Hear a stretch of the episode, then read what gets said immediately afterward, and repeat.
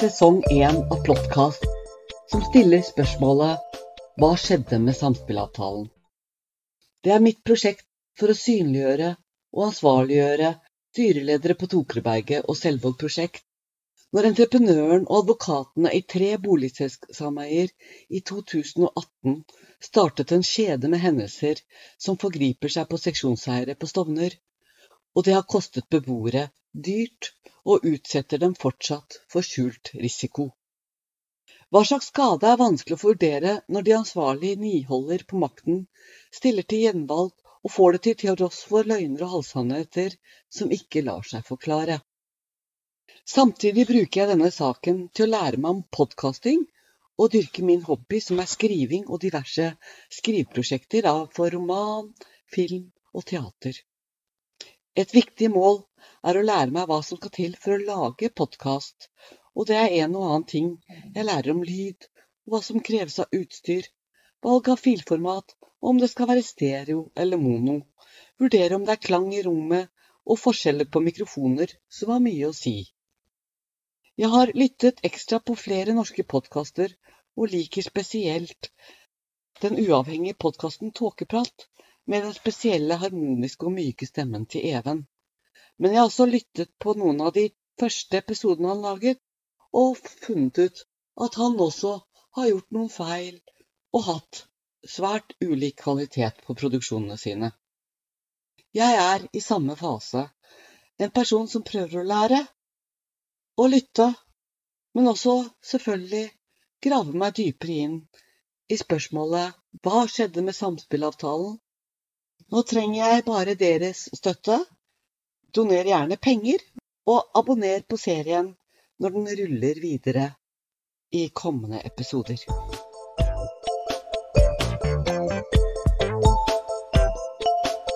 Stovner senter var Norges største shoppingsenter i 1976.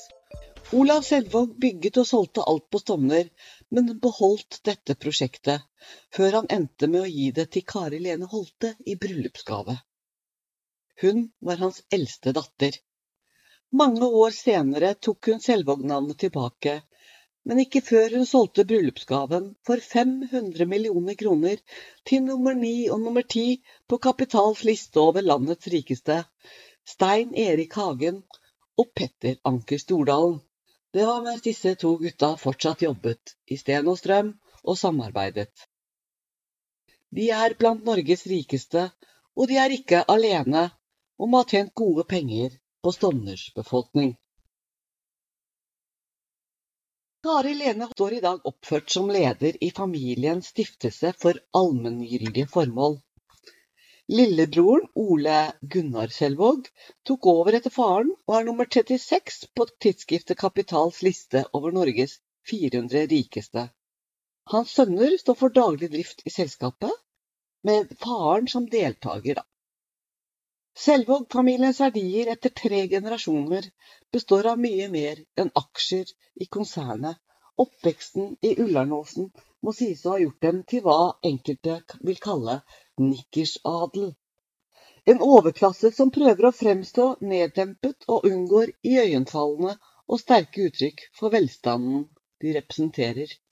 Familien eier kunst og store verdier som ikke nødvendigvis synes på selvangivelsen, F.eks. når de bygger Tjuvholmen med Olav Selvågs plass til minne om bestefaren. Familien så sitt snitt i det prosjektet til å få designet en spesiell seilbåt av Renzo Piano, den italienske arkitekten til Astrup Fearnley-museet. Han har tegnet en rekke berømte bygninger, og det er antageligvis mest kjent for Pompidou-senteret i Paris. Han vant Pritzer arkitekt prisen i 1998, og det er noe av det gjeveste en arkitekt kan motta. Og han er også utnevnt til livstid i det italienske senatet. 2008 vant han den danske Sonningprisen, som mer er å regne som en kunst- og kulturpris. For eksempel så ble vinneren i 2023 performancekunstner Marina Abramovic, ganske godt kjent for sitt Skrik-prosjekt, her i Oslo.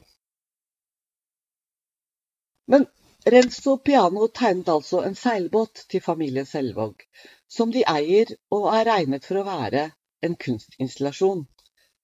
Den står på brygga inntil Astrup Fearnley-museet. Båten heter Kiribilli. De har følgelig fått permanent brygge uten kostnad i Oslo kommune på Tjuvholmen, kunne Aftenposten avsløre, der alle andre må betale hundretusenvis av kroner for en båtplass lenger inn i fjorden. Det var et grep sønnene til familiehodet, altså Olav Hindal og Fredrik Selvåg, gjorde når de satte i gang byggingen på Sjuholmen i 2012. Bryggeplassen disponerer de vederlagsfritt. Ingen i familien vil snakke så mye om Kiribilli, det er en privat båt. Diskresjon er mantra i nikkersadelen, de med nedtonet og anonym sykdom du ikke skal se. Det følger regler som langt på vei også gjelder i Selvåg-familien. Hva som er klart, er at konsernet til bestefaren fortsetter å ha et sterkt nærvær på Stovner, og Selvåg prosjekt har en rekke referanseprosjekter med betongrehabilitering, tak og vedlikehold som de har representert på sine nettsider. Og også mange andre sameier som de har bygd, enten det er i Ullernåsen eller på Stovner. Men det er også nyrike som tjener store penger på Stovner. Utleiehai og nummer fem på Kapitals liste over landets rikeste, Ivar Erik Tollefsen, slo seg opp her med selskapet Fredenborg, som i dag er et holdingselskap han eier 100% Leilighetene er plassert i selskapet Heimstaden, og der har han også kjøpt flere. Totalt eier Heimstaden 150 000 leiligheter og de har mer enn 300 000 kunder. Han fikk kjøpt utleieleiligheter på Stovner senter når Sten og Strøm, som driver med butikker, solgte. Deretter skrudde Tollefsen opp husleien for å få vanlige leietakere ut, og fylte hva som kunne være bydelens beste adresse med sosialklienter som betalte tre ganger mer fordi Oslo kommune har både bostøtte, seks måneders husleiegarantier og andre typer kontrakter som gir mer penger på bunnlinja. Gjennom enkle grep og en bydel i beit etter boliger gjorde han adressen på Stovner senter til den mest belastede og steik raskt på listen over Norges rikeste. Jeg har som en kuriositet også vært meddommer i Oslo tingrett. Og en gang så fikk jeg en sak som nettopp hadde skjedd på Stovner senter. Innbruddstyven var sterkt belastet narkoman og hadde blitt dømt for et innbrudd han gjorde dagen før dette innbruddet på Stovner. Men så kom altså seks måneder senere en DNA-rapport til Stovner politistasjon som viste at ølboksene som innbruddstyven som hadde ramponert hele leiligheten, la igjen hadde DNA etter samme mann som de hadde tatt for innbruddet dagen før. Og samfunnsstraffen han hadde fått, sto i fare, og det var spørsmål om hva slags straff han skulle få for besittelse selvfølgelig av narkotika, men også dette andre innbruddet på Stovner. Jeg husker forklaringen i retten, og det var jo løgn alt sammen. Første forklaring var at eh, det kunne være et uhell. At han hadde vært på en fest og brukt narkotika, for han hadde en venn som bodde i fire etasjer lenger opp. Og at han i denne festen hadde liksom vandret tilfeldigvis ned fire etasjer, bort i gangen og inn en dør. Og så hadde andre begått innbruddet, men døra sto jo åpent kanskje så mye som et døgn, for eier var borte. Innbruddstyvens forklaring var altså at jo da, han festet på Stovner senter, selv om han bodde et helt annet sted. Men det var en såpass dårlig adresse, og det var såpass mye rart fordi det var fylt med sosialklienter som Tollefsen hadde dyttet inn der. Så det var godt mulig det var noen andre enn han som hadde gjort det innbruddet. Innbruddstyvens andre forklaring var at vel, kameraten på Stovner som han festet hos, ja, de hadde blitt uvenner, og det er godt mulig han hadde tatt disse ølboksene som det ble funnet DNA på, og så plantet dem i leiligheten hvor innbruddet hadde skjedd, for å frame han for forbrytelsen. Men som dere forstår, i Oslo tingrett så ble altså adressens kvalitet vurdert av meg og mine meddommere. Og jeg endte opp med å ta dissens i den saken, og bli én mot to når mine meddommere valgte å frikjenne han fordi de fikk bekreftet, ikke bare av meg, men også av den som hadde blitt rammet av innbruddet. Ja, Stovner senter var en veldig dårlig adresse, og han hadde flyttet derfra fortere enn svint. Jeg tok allikevel dissens, for jeg følte at det at DNA var bærbart og kunne fraktes dit, var lite sannsynlig forklaring. Og jeg tenkte, hvis det hadde vært et innbrudd på Ullern, i en eller annen enebolig på andre siden av byen, ville denne konstruerte forklaringen fungert. Jeg kan stå for den dissensen, men sånn fungerer altså Oslo tingrett. Og her ble Stovner senter som adresse brukt som en forklaring på hvorfor en tiltalt slapp unna men eh, han ble selvfølgelig dømt for en del andre forhold også, narkotikabesettelse bl.a., og han mistet samfunnsstraffen sin. Men forskjellen på min dissens var faktisk to til tre måneders fengsel. Og det er nettopp fordi Ivar Erik Tollefsen har gjort Stovner senter, den mest sentrale og kanskje beste adressen i bydelen, til en sterkt belastet adresse. Ivar Erik Tollefsen har vokst seg stor på Stovner, og med god hjelp fra banker så har han kjøpt tusenvis av eiendommer i Danmark, Sverige, de baltiske stater og Tyskland, og strategien er det samme. Eiendomsmilliardøren eier over 3800 leiligheter bare i Oslo gjennom selskapet Heimstaden. Blant boligene Tollefsen eier, er det kun ja, omtrent 20 leiligheter som eierselskapet betalte eiendomsskatt for i 2021. Det totale beløpet som Tollefsen må betale Oslo kommune i eiendomsskatt, var 25 000 kroner, kunne E24 avsløre. Og så brukte de eksempelet, da. Stovner Boligeiendom AS for å vise hvor galt det var at han betalte 25 000 kroner i eiendomsskatt, så viste de at leilighetene bare på Stovner, de 170 leilighetene på Stovner senter, hvis skattegrunnlaget ble lagt til grunn, ville gi en eiendomsskatt på 119 millioner kroner.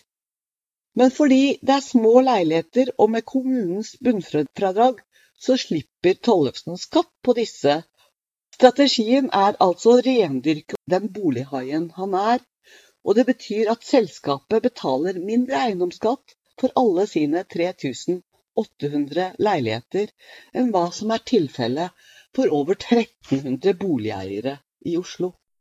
Jeg vil snakke om Selvåg og Stovner, for Plotkat skal grave dypere i en interpriseavtale tre boligselskaper signerte med Selvåg prosjekt før denne falt i avstemming. Mitt navn er Sylvia Johnsen, og jeg vet ikke om det har foregått noe straffbart på Tokerudberget, men noe går pengene til, og hva det er, framstår som høyst uklart.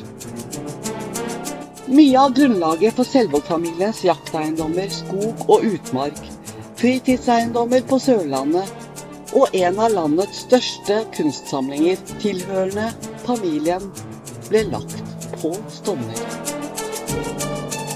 Det er feil å tenke at Stovner bare er en bydel i Oslo, et T-banestopp på linje 5. Her bor det et godt tverrsnitt av Norges befolkning, vanlige folk, og hit kommer de så vi tjener seg rik på det vanlige folk trenger. Jeg har fortalt om Olav Selvåg, entreprenøren som klarte å skille seg fra de andre småentreprenørene i Oslo og komme i posisjon til å ta utbyggingen av en drabantby i konkurranse med selveste Obos. Han hadde innsideinformasjon, og allerede før den formelle beslutningen var tatt i rådhuset, eide han de fleste eiendommene han trengte langs Gjelleråsmarka, og tjente en god slant. Deretter bygget han boliger og solgte dem med fortjeneste langs hele åskammen. Det er vanlige folk som konsumerer og bruker pengene vi tjener, og vi bruker det til bolig og bil og mat, og det er også de største formuene i landet. Det er vanlige folk som finansierer statens utjevnende tiltak, som bostøtte, boliggaranti, ja, rett og slett sosiale boliger. Bydelsstatistikk fra Oslo kommunes nettsider viser at bydelen har 33 755 innbyggere fordelt over Høybråten, Haugenstua, Fossum, Rommen, Stovner og Vestli. Dette er en stor befolkning, og hvor stor ble jeg først bevisst når jeg som ungdom ble leder i Stovner AUF, og Lillehammer fikk OL i 1994. Og de hadde 25 000 innbyggere. Ja, hvorfor ikke, tenkte jeg. Neste gang søker vi om å arrangere olympiske leker på Stovner. Byen har alt. Løpebane, idrettshall, hoppbakke, alpinbakke mot Nittedal og skiløyper i marka. Eneste vi mangler, er svømmehall, resonnerte 16 år gamle Sylvia. Fra start var svømmebasseng en mangel. Skoleklassen jeg gikk, dro til svømmebasseng på Romsås, men vi dro også til Tøyenbadet for å lære å svømme. Det ble i seneste laget for meg. Jeg lærte først å svømme da jeg fylte tolv år. Tenk det, etter alle de årene, godt og vel 40 år, er det ennå ikke svømmebasseng på Stovner. Men nå er det i alle fall besluttet i Oslo rådhus. Arbeiderpartiet fikk endelig summet seg til å vedta et lite basseng. 25 meter, og det skal stå på Fossum. Hoppbakken er revet og erstattet med en sherpatrapp. Men jeg har ikke forlatt planen om at kanskje Dovre burde søke OL. Det er en tanke. Politikere sier om Stovner at bydelen har utfordringer i levekårsvilkår. Og det er bare naturlig gitt størrelsen på befolkningen. Vi liker å velte oss i misere, og politikere som meg og andre. For jeg står også på liste og lar meg opprøre over negativ statistikk. Og jeg gjør kanskje ikke jobben min hvis jeg ikke finner grunn til uro. For det finnes selvsagt områder å fokusere på Bydelen har altfor stort frafall på studier, spesielt høyere utdanning. Det er jo ting som er galt, og ting vi vil fikse. Skulle bare mangle. Men det er også mange ting som er bra på Stovner. Nærhet til marka, skoler og barnehager, veier som på enkelte steder snilkler rundt og omkring for å skjerme områdene der barn leker og hver og en spaserer. Utleie er lavere enn i sentrum fordi det er en høy andel selveiere, som ligger omtrent som i resten av Oslo, og det er altfor stor overvekt av kommunale boliger på Fossum. Og det trekker jo også opp bydelen. Tollefsen har mye å si på det. For slike eiere gir det offentlige lettvinte løsninger på sosiale problemer dersom det offentlige ikke tar et ansvar i hele byen kan de bidra til å forslumme og gjøre ting verre på enkelte adresser. Dovre har en del trangbodde husholdninger, som er familier med mange barn, og det trekker også opp statistikken på antall rom per person. Men vi har også mange store leiligheter som gir grunnlag for et godt liv. Både i forhold til eierformer, bygningstyper, om vi bor i hus eller blokk, ligger Stovner som vi skal i Oslo. Statistikken gjenspeiler på godt og ondt faktum, som er at Stovner er en by. Bydelen Stovner er større enn Hamar, Larvik, Halden og Askøy, ikke ubetydelige tettsteder i Norge. Rikinger tjener gode penger på Stovner, men de bor ikke her. For hvis de ikke har utvandret til Sveits allerede, så har de bolig på Oslo vest og landsteder nære Blindheia på Sørlandet. Unntak er kanskje nummer 184 på Kapitals liste over de rikeste. Der finner du Tom Hagen, som har tjent gode penger på eiendom og hytteliv på Kvifjell. Han bor like over bygrensa på Fjellhamar i Lørenskog, som er nære nok. Naboskapet mot Høybråten, som sømløst glir over bygrensa til Lørenskog, er Stovners metaforiske Holmenkollåsen. Tom Hagen er mistenkt og siktet i konas forsvinning, men han er altså den nærmeste vi kommer en skikkelig riking i nabolaget. Han har fingeren i mye, også på Stovner. Snømåking er en bransje der det syndes mye, fordi fakturaer for å måke og frakte vekk snø er to vidt forskjellige prisskalaer. Det siste er priset som håndtering av spesialavfall, og krever håndtering som nettopp det, spesialavfall. Men sladder og spekulasjon som går i alle retninger, er ikke hensikten bak denne podkasten. Mest typisk på Stovner er store boligselskaper, de som Olav Selvåg bygget, blokkene som snirkler seg bortover og langs åskammen. Her ble sameiedemokratiet utfordret av mer enn rikinger på tokt. Innflyttere på tidlig 70-tallet blir eldre, og det kan være derfor frafallet og passivitet på årsmøtet øker. Andre poeng er at innflyttere de siste desennier er en god miks fra hele verden og det skaper kulturforskjeller og språkbarrierer.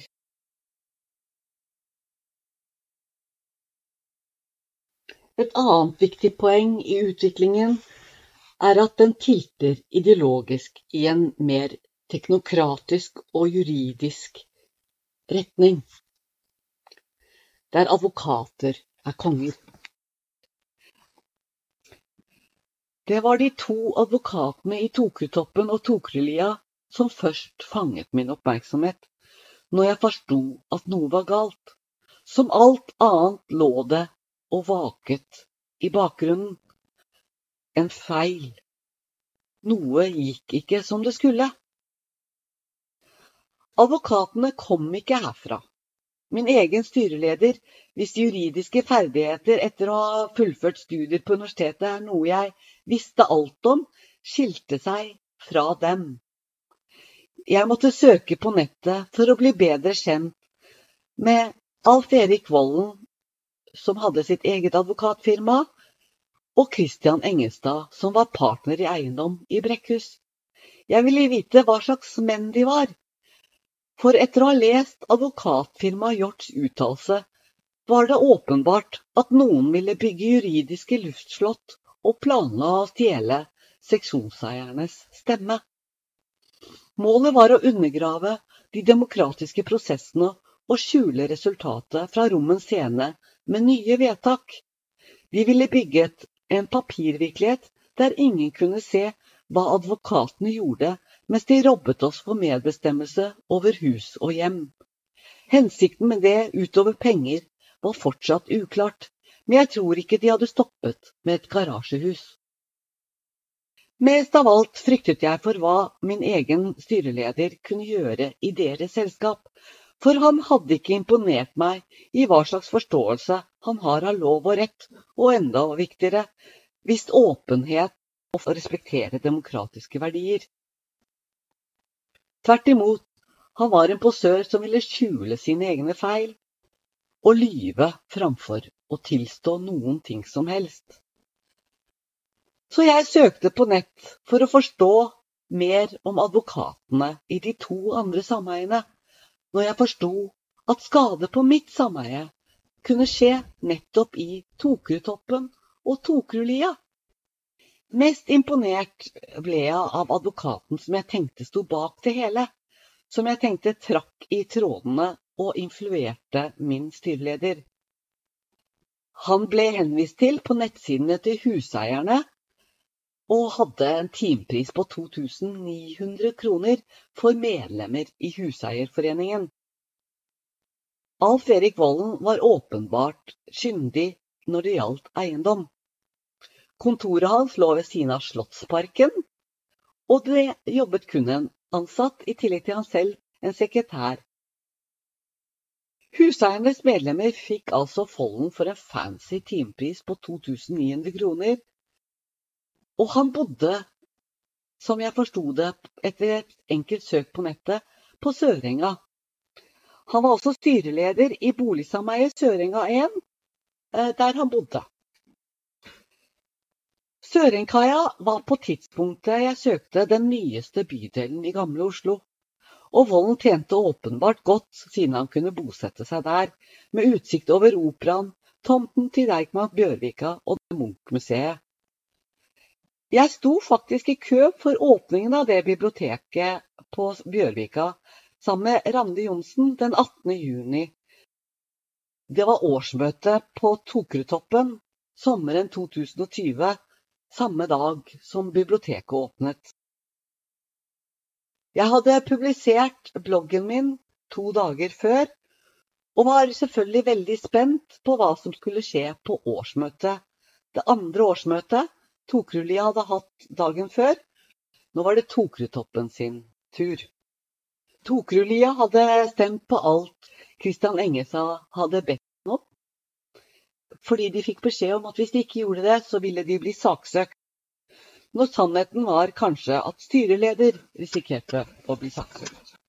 De vedtok disse vedtektene som innebar at de ville få kostnader på en tredjedel av garasjehuset, eller mellom 55 og 74 millioner kroner, dersom altså budsjettene ikke sprekker.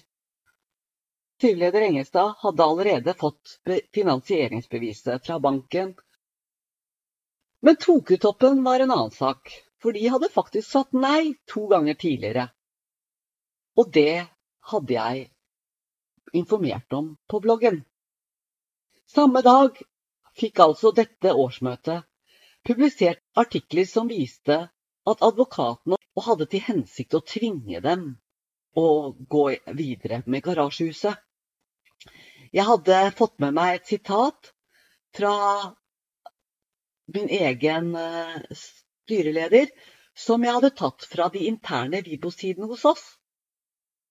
For der sa Nadir Ali rett ut at flertallet for å bygge et garasjehus sto klart til å tvinge Tokerudtoppen. Nadir Ali la saken fram på følgende måte. I utgangspunktet kan Tokerudåsen og Tokerudlia forplikte Tokerudtoppen rettslig, altså tvinge gjennom nybygget men når vi endelig har klart å oppnå et godt samarbeidsklima, dette holdt sammen med nye faktaopplysninger i saken i vi kom vi 1s ønske om å la de votere over saken en gang til, uten at det rent juridisk har noe betydning i det tingsrettslige sameiet. Han sier altså rett ut at de følger Volden sin plan. De har fortsatt på kontrakten, og så skal de snu i Tokerudtoppen og Volden har lagt fram en innkalling for å nettopp få til det. Hvis han ikke får flertall for 74 millioner kroner til et nytt garasjehus, så har han sneket inn vedtektene, og de vil han at styret skal få fullmakt til å bare godkjenne.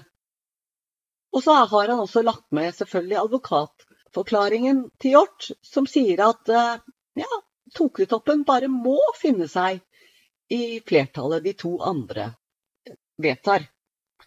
Men den forutsetningen er jo basert på at vedtektene blir vedtatt. Volden har to veier inn for å bygge et garasjehus. Faktum er at styrelederne de siste to årene har jobbet uten å ha et kvalifisert flertall for et garasjesameie, og det sier de ingenting om. Og de vet det. De har fått en advokatuttalelse som sa det til dem i januar 2020. Flertallet mot et slikt garasjesameie fra Rommen scene, for der var det et flertall på 2-1 som gjorde at samspillavtalen ikke er gyldig. Og da kan de ikke opprette et interim garasjestyre og ta imot et bygg, slik samspillavtalen forutsetter, som er et juridisk selvstendig selskap med advokaten i førersetet, hvor de har full kontroll over tomten, og hvor de kan bevilge seg selv honorar. En ting jeg var veldig usikker på før årsmøtet 2020, var hvorvidt Tokeråsen styreleder og nestleder i disse interim garasjestyrene hadde forstått såpass. Om de forsto at det ikke var et flertall for garasjesameie. Da Tokeråsen holdt årsmøte et par uker senere, skulle jeg få svaret på det spørsmålet. For da sto jeg på årsmøtet og så hvordan nestleder i møtet det gikk et lys opp for han, foran forsamlingen. Han forsøkte å forklare at han hadde i interim interimgarasjestyret hatt fullmakt til å gjøre disse vedtakene, for det var tre stemmer imot når de vedtok garasjesameiet på punkt C.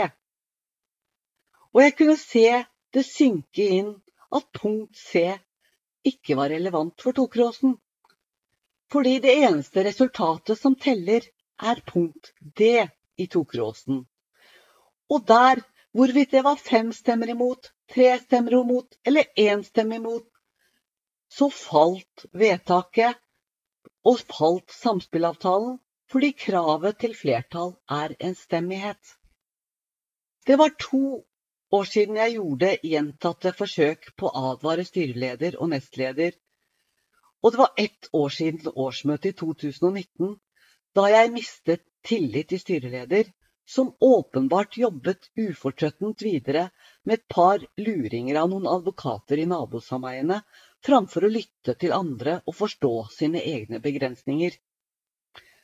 Framfor å åpne de demokratiske prosessene, heller lukket de.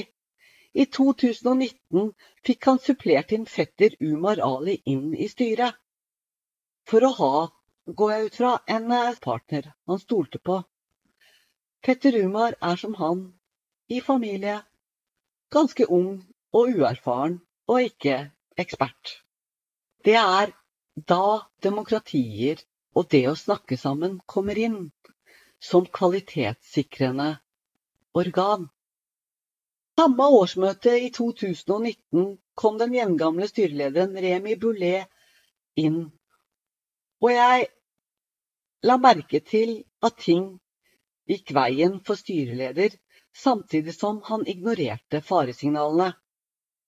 Jeg så Umar og Remi komme opp trappa for garasjen etter å ha spilt squash bare noen måneder etter og de hadde åpenbart funnet tonen. Ganske snart begynte styreleder i jobb for samme arbeidsgiver, og det var et eh, konformt styre med høy selvtillit og testosteronfaktor som håndterte den største oppgaven som gjensto i sameiet. Betongrehabiliteringen var overstått, og Tokeråsen var økonomisk godt forberedt for nye løft. Men dette var gjengen som forvaltet det. Kristine Tveit var også i styret som eneste kvinne, og jeg tenkte den gangen, og jeg tenker det fortsatt, at hun hadde ikke en lett jobb. Men hun snakket aldri om styret i den urbane landbruksgjengen, hvor jeg også prøvde å hjelpe. Hun var veldig lojal til styreleders forståelse av hemmelighet. Alt skulle være hemmelig, hemmelighetskremmerier var veldig viktig. Åpen time på styrerommet, en time åpent hver uke hvor styret var tilgjengelig og svarte på spørsmål, var det også slutt med. Og det ble ikke bedre på sameiets egne nettsider, der styret publiserte mindre og mindre og sa mindre og mindre. April 2020 jobbet jeg på dugnad i vårt urbane landbruk og jeg ventet på årsmøtet 2020, når styreleder og nestleder kom bort og snakket etter en befaring. Jeg var opptatt med et potettårn når Remi spurte hvorfor jeg mente det ikke var et gyldig årsmøte på Rommens Scene. Spørsmålet sjokkerte meg, for Remi hadde allerede sittet nesten et år i garasjestyret, og jeg hadde skrevet til styret to år tidligere og advart dem nå oppfattet jeg at styreleder som sto der sammen med oss, ikke hadde gitt ham bakgrunn, men jeg hadde altså ikke tid til å argumentere. Jeg gikk tilbake til potettårnet. Straks jeg kom hjem, satte jeg meg ned og skrev brev til styret for å gjenta hovedpoengene fra to år før. Men denne gang fokuserte jeg mer på det langt viktigere spørsmålet om samspillavtalen er gyldig. Og det var i fravær av informasjon jeg måtte ta skrittet 2020, sommeren i juni, og publisere nettsider og egen blogg. Jeg sto i kø to dager senere, og der traff jeg også Ranne Johnsen fra Urbant landbruk. Det var 18. juni. Årsmøtet på Tokrutoppen var i ferd med å starte, og innkallingen var 151 sider, satt sammen av en advokat som åpenbart hadde erfaring fra turbulente årsmøter, og som hadde noe å dekke. Søk på nettet viste at Volden hadde vært til stede på den store generalforsamlingen i en nyhetssak noen år tilbake, hvor media kalte bråket i sameiet for 'Sameie fra helvete'. Der hadde Anita Horn vært styreleder når hun sto imot Obos og entreprenører i hva hun kalte korrupsjon. Og hun ble kastet, husker jeg, men det var interessant, for min søster hadde fortalt at Anita Horn faktisk var til stede på Rommen scene, med fullmakt. Brevet til styreleder og nestleder etter at de dukket opp på dugnad noen uker tidligere, hadde ikke blitt besvart, og jeg måtte publisere blogg. Nå visste jeg at dette ikke bare gjaldt meg og seksjonseierne på Tokråsen, dette gjaldt også seksjonseiere i Tokrulia og Tokrutoppen. Advokatene hadde herjet jo nå i stillhet i nesten to år, og det hadde skjedd ting. Jeg måtte fortelle om det. Sommeren 2020 var faktisk ganske fin, jeg vet ikke om dere husker det. Bortsett fra et par illevarslende nyheter om en pandemi som skulle bli verre, så sto jeg altså i en kø på biblioteket og tenkte på Tokutoppen og Garasjehuset og Alf Erik Volden som bodde et steinkost unna. Jeg tok en selfie på Instagram og skrev 'Årsmøte to, det brygger opp til skikkelig bråk'. Og etter åpningen av biblioteket, den imponerende omvisningen i det flotte signalbygget, syklet jeg innom og sjekket nabolaget til advokaten som jeg hadde peilet meg inn på. Jeg tenkte han sto bak kuppet, så jeg ville ta bilder av nabolaget han bodde, for framtidige artikler før jeg syklet hjem med min nye elsykkel. Og det ble bråk på årsmøtet i Tokertoppen. Og det er fordi sameiet har historie for debatt. Og med det mener jeg seksjonseiere som har erfaring fra politikk og frivillig engasjement. Det er en grunn til at jeg faktisk var overrasket over at de valgte en profesjonell styreleder og betalte for det, ettersom jeg visste at de har kompetansen til å drive sitt eget styre. Men her ligger noe av utfordringen, for når du bor sammen med 200 seksjonseiere i 30-40 år, vil det oppstå konflikt over de minste og de dummeste tingene. Det ligger i sakens natur, og mennesker fornekter seg aldri. Når det oppstår uenighet nære våre daglige liv, ja, da blir det friksjon. Og da blir det kanskje greit å betale en profesjonell styreleder. Men volden var volden styreleder. De skulle latt være. For han ble dyr. Han ble dyr hvert eneste år, og nå var han i ferd med å lure sameiet inn i et garasjehus til 74 millioner kroner som de ikke trengte.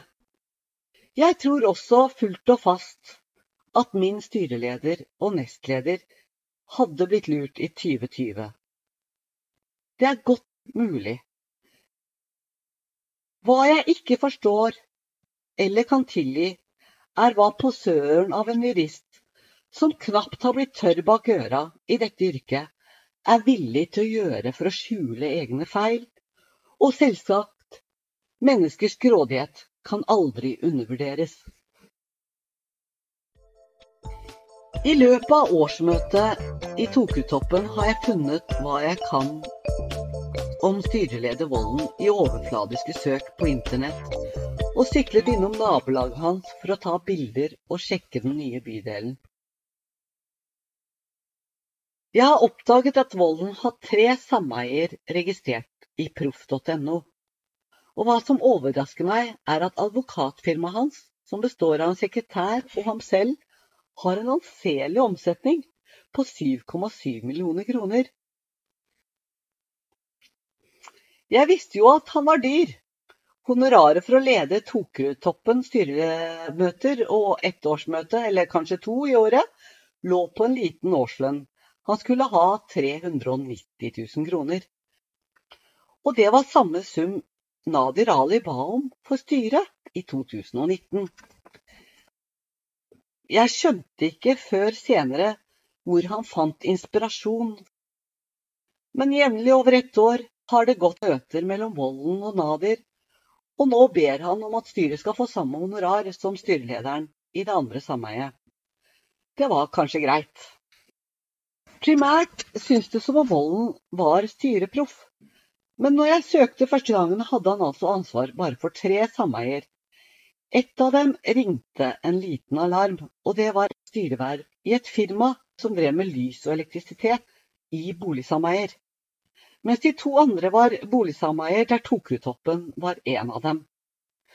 Hvordan det ble til 7,2 millioner kroner i årsinntekt, var det vanskelig å vurdere uten tilgang til regnskap. Jeg syns det var mye.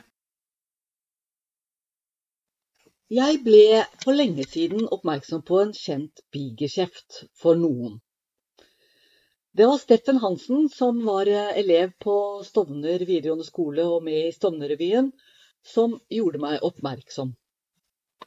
Han jobbet som eh, assistent og vaktmester i et lite sameie i sentrum. Det var eh, bare gamle beboere og pensjonister i dette sameiet, og de elsket selvsagt Steffen, som alltid var sjarmerende, hyggelig han var et av lysene vi treffer i livet så sjelden som du alltid liker. Ja, han er fortsatt det, han er ikke død. Men styreleder i dette sameiet var en nyinnflyttet med en gang han tok over, og pensjonistene var mer enn villige til å la han styre. Den nye styrelederen satte i gang diverse prosjekter med ulike entreprenører, deriblant balkonger og utsmykking av oppgangene, og det var sånn Steffen la merke til noe. Prisen sameiet betalte for bildene han fikk oppdrag av å henge, var langt høyere enn gamle prislapper han fant på baksiden av bildene. Og det var noen relasjoner i det dyre balkongprosjektet han også reagerte på. Jeg snakker om korrupsjon, og jeg tror vi skal være ærlige på at det finnes i Norge. Folk blir dømt stadig vekk, og dessverre Korrupsjon er smittsom. Det er mye makt å kjøpe tjenester for 200 pluss seksjonseiere, og nettopp derfor er det viktig å følge gode prinsipper. Beslutninger er kanskje lite penger for mange hvis det skjer over lang tid, men for hver og en kan prisen være hinsides. Styreledere burde i den grad det er mulig være så uavhengig entreprenøren og andre som kan tenkes å ha interesser i sameiet. Nå har jeg jobbet noen måneder som sekretær på advokatkontor mens jeg da var student. Og jeg har også fått bekreftet fra andre at det kan være skjulte inntekter i verv som styreleder i et boligsameie. Spesielt er forsikringssaker interessante. Du kan tenke deg at seksjonseiere får en forsikringssak, og styreleder som advokat kan hjelpe i slike saker og ta kommunikasjon på vegne av seksjonseiere. Oppgjøret med forsikringstaker blir kanskje kuttet, og det er ikke umulig at noe av det er et honorar fra forsikringsselskapet til motpartens advokat. Nettopp derfor er store boligselskap, slik nettopp dem som er på Stovner, ganske lukrative hvis seksjonseiere abdukerer og slipper ballen. Noe må også sies om brukerstyring, for jeg tror på brukerstyring og at det gir bedre og fornuftige beslutninger. Året 2016 og 2017 er det to profesjonelle styreledere på Tokerudberget, og de er i Tokerudtoppen og Tokerudlia.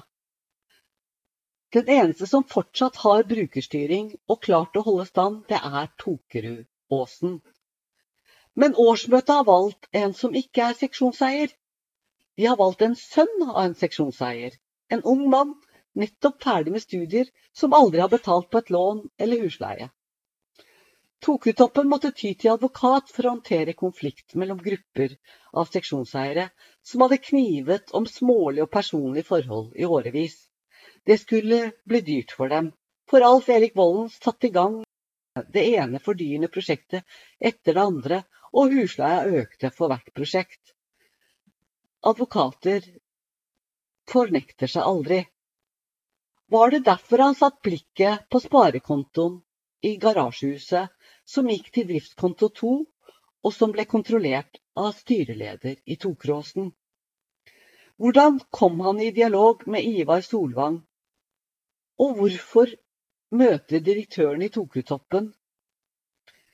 Tokerudlia hadde vært gjennom tre underslag over mange år, og var nok traumatisert av at noen i styret forgrep seg på midlene deres. Når styreleder før betongrehabiliteringen de måtte gjøre, ville trappe ned og bare sitte i styret, valgte de en advokat som var villig til å ta timebetalt. Han møtte i garasjesameiet og startet masingen for å få betalt timepris fra driftskonto 2. Men det var ingen tradisjon for det. Tvert imot var det i strid med samarbeidsavtalen, og han fikk beskjed om å ta det med eget sameie.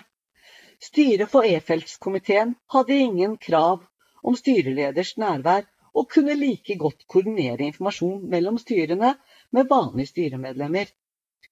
Sameiene hadde prioritert ulikt og gjort jobben med forvaltning i nesten 50 år forskjellig, og det var synlig i regnskap og drifting. Tokeråsen hadde vannmåler, mens Tokerudtoppen valgte annerledes. Tokerudtoppen og Tokeråsen var ferdig med betongrehabilitering, og det var 12-14 millioner kroner forskjell i lånebelastning etter den investeringen. Det kan ha påvirket hvordan seksjonseiere ser på nytt lån på 25 millioner kroner når de stemmer på Rommen scene. Tokrulia hadde ikke startet betongrehabilitering i 2018, og visste ikke hva den investeringen ville gjøre med sameiets husleie. Det de skulle være sikre på, og det kommer også fram, er at styreleder partneradvokat i Brekkhus Eiendom som bor på Ullern, Christian Engestad, har generelt liten følsomhet på hva noen hundrelapper ekstra i måneden de neste 30 årene vil bety for beboere og eiendomsprisen på leiligheten deres. Det var når konflikten strammet seg i løpet av sommeren Engestad skriver en e-post til styreleder i Tokutoppen og avslører hvor lite han bryr seg for han erkjenner at også hans seksjonseiere føler kostnadene, men avslutter med 'det kan ikke hjelpes'. Min første e-postutveksling med Engestad fra Ullern var surrealistisk, for jeg satt igjen med en følelse hver gang at mannen jeg vekslet ord med, satt foran PC-en i katatonisk sjokk helt satt ut og overrasket over at det fantes seksjonseiere på Stovner som kunne lese og skrive. Det er ikke irrelevant på bunnlinjen hvem som representerer når beslutninger skal tas, og hvis du ikke forstår det, vil kostnadene snart få deg tilbake til virkeligheten. Og det var den virkeligheten Tokerudtoppen kjente på når de sa nei på Rommen scene og volden fortsatte å dure videre, og nå hadde bloggen avslørt ham. De kastet ham. Det var et helvete av et årsmøte som gikk over fire-fem timer. Men det hadde også styreleder lagt opp til når han sendte en innkalling på 151 sider. Men posører som er styreledere, eller styremedlemmer, som har alle de gale grunnene til å stille gjør like stor skade. La oss være ærlige. Honoraret som gis til styret, er ikke for arbeidsinnsats. Og det er høyst forskjellig hva de enkelte gjør. Men det kan raskt bli penger som betyr mye for noen. Og da er vi på ville veier. Hvis vi ikke får de beste folkene, men får folk som er i styret for pengenes skyld. I dag har vi minst to styremedlemmer, styreverv i andre boligseksjoner, og som kanskje også har flyttet. Men foreldrene eier fortsatt seksjonen, så de mener at de ikke bryter vedtektene våre, som sier straks leiligheten de ble valgt for, blir eh, solgt, så skal de tre ut av styret. Det er intensjonen i vedtektene. Sløseri og betaling på en entrepriseavtale med Selvåg koster, og det er ikke mer penger igjen. Husleia har økt kraftig. Første gang i begynnelsen av året med 23% når Tokerudtoppen hadde en økning på 5% Deretter en liten justering i juni. En eneste mulig forklaring så vi på årsmøtet da det framgikk at vi hadde gjort en investering i bøker på et par millioner, som tilsvarer ca. 10 588 kroner per seksjon. Altså ikke ca. presist. Og det har styreleder og styret bestemt å betale med et langsiktig lån over 30 år, hvilket ikke gir økonomisk mening. Første året ble avdraget på 20 770 kroner. Altså 110 kroner per leilighet for å betale 2 millioner kroners lån. Med denne betalingsmodellen og 30 års nedbetalingstid, så har styret de facto gjort varmtvannkokeren dobbelt så dyr. Det vil doble kostnadene våre når vi betaler renters rente på sånne småbeløp. Og kostnadene på varmtvannsanlegget, som har to millioner fra leverandøren, blir til fire millioner hvis du regner med bankutgifter. Har du en styreleder som ikke forstår nåverdi, renter og lån, en passør som ikke setter seg inn i detaljer og bare tar de lånebetingelser som banken gir, kan det være en årsak. Eventuelt så vil styreleder ha minimale kostnader og husleieøkning eh, for å skjule hva han egentlig har brukt penger til og skjule årsaken til den store husleieøkningen på 23% når nabosameiet Tokerudtoppen har 5%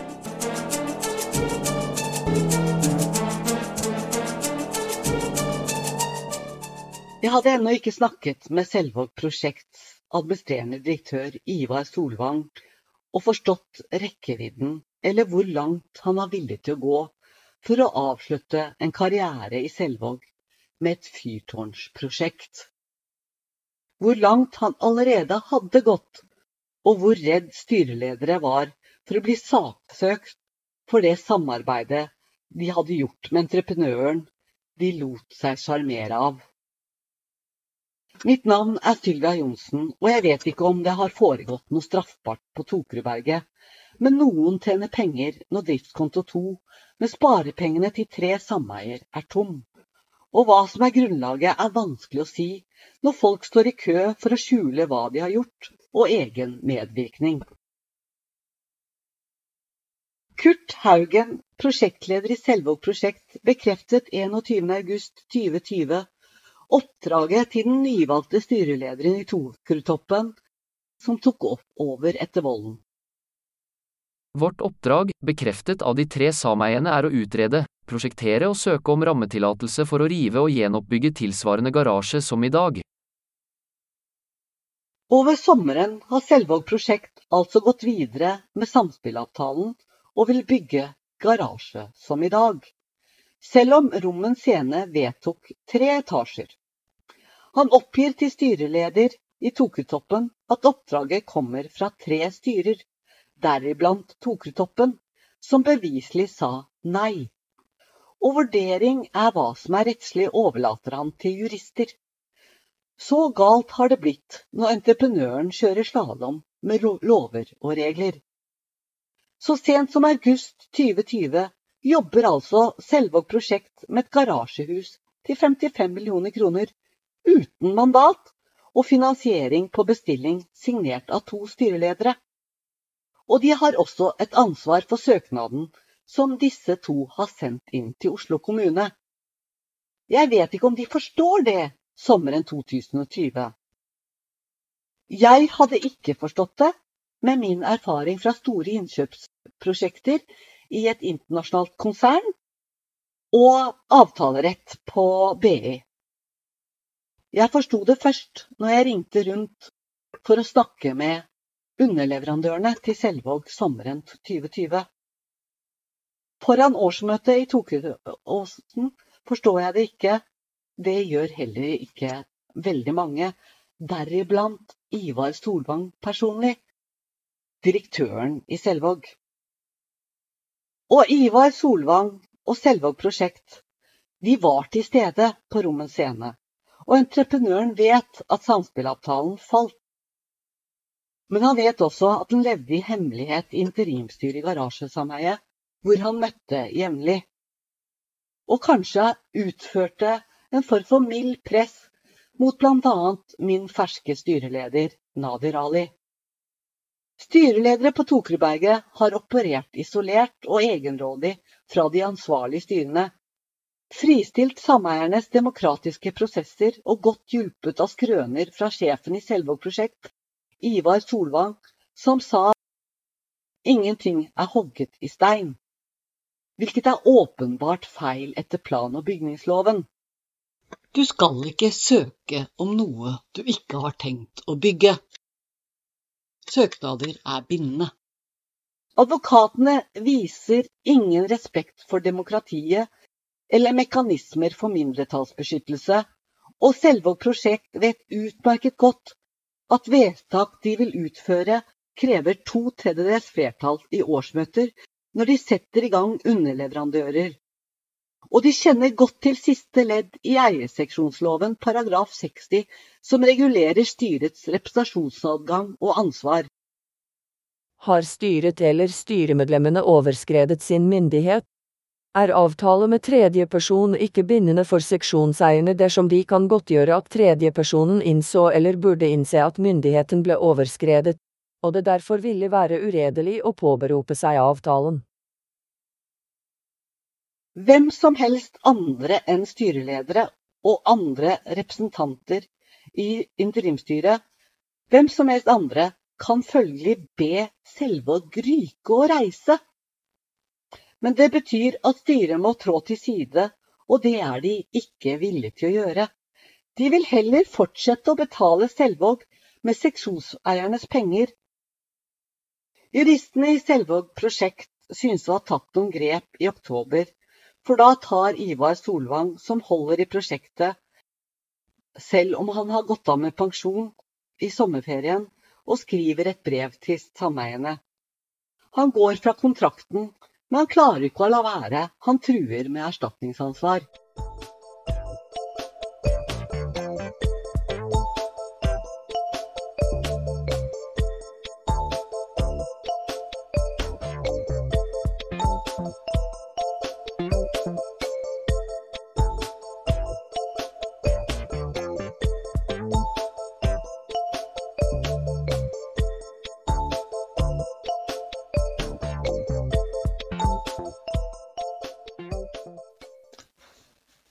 En gang så har vi kommet til veis ende i en episode, og den er levert over tiden og ikke som planlagt.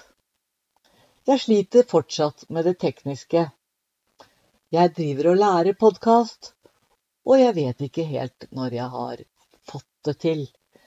Men innimellom all ledig tid, og det er dessverre ikke nok av det heller, så prøver jeg å oppdatere meg og utdanne meg i hva teknikken krever. Jeg vil følge planen. Jeg har en plan. Jeg vil jo gjerne ha sommerferie. Og jeg har så mange episoder som jeg skal igjennom. Hvis du ønsker å støtte meg, så er jeg veldig glad for det. Jeg har ingen forhåpninger om å tjene penger på podkasting, men hvis jeg klarer å få inn noe som dekker litt av kostnadene med saken og det tekniske utstyret, så blir jeg glad for det. Jeg vil være ærlig. Hvis du følger hver eneste episode og abonnerer så blir jeg like glad.